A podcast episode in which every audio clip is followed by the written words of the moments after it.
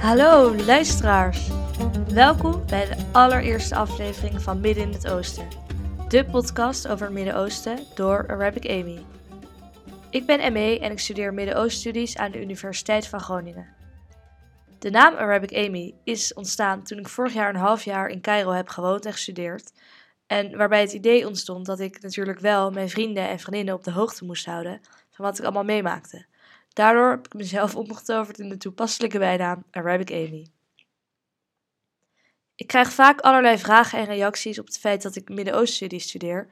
En hierbij heb ik gemerkt dat mijn omgeving vaak de basiskennis niet helemaal duidelijk weet, maar toch erg geïnteresseerd is in het Midden-Oosten. Daarom dacht ik, laat ik alle vragen en reacties in de toekomst voor zijn. Ik begin gewoon mijn eigen podcast over het Midden-Oosten waarin ik de antwoorden op al jullie vragen zal beantwoorden en ook nog eens leuke feitjes zal mededelen. Ik zal mijn eigen kennis delen samen met meningen van verschillende deskundigen en andere gastsprekers. Ook vind ik het erg belangrijk om misvattingen en andere onzinnigheden uit de wereld over het Midden-Oosten te helpen. Wat weet jij nou eigenlijk over het Midden-Oosten? Daar zal je zeker weten achterkomen in deze podcast.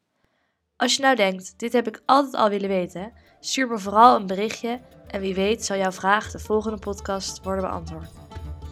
Oh ja, als je dan toch bezig bent, vergeet me niet te volgen op Instagram. Midden in het oosten, laagstreepje podcast. Ik heb er super veel zin in en ik kan niet wachten om al mijn kennis met jullie te delen.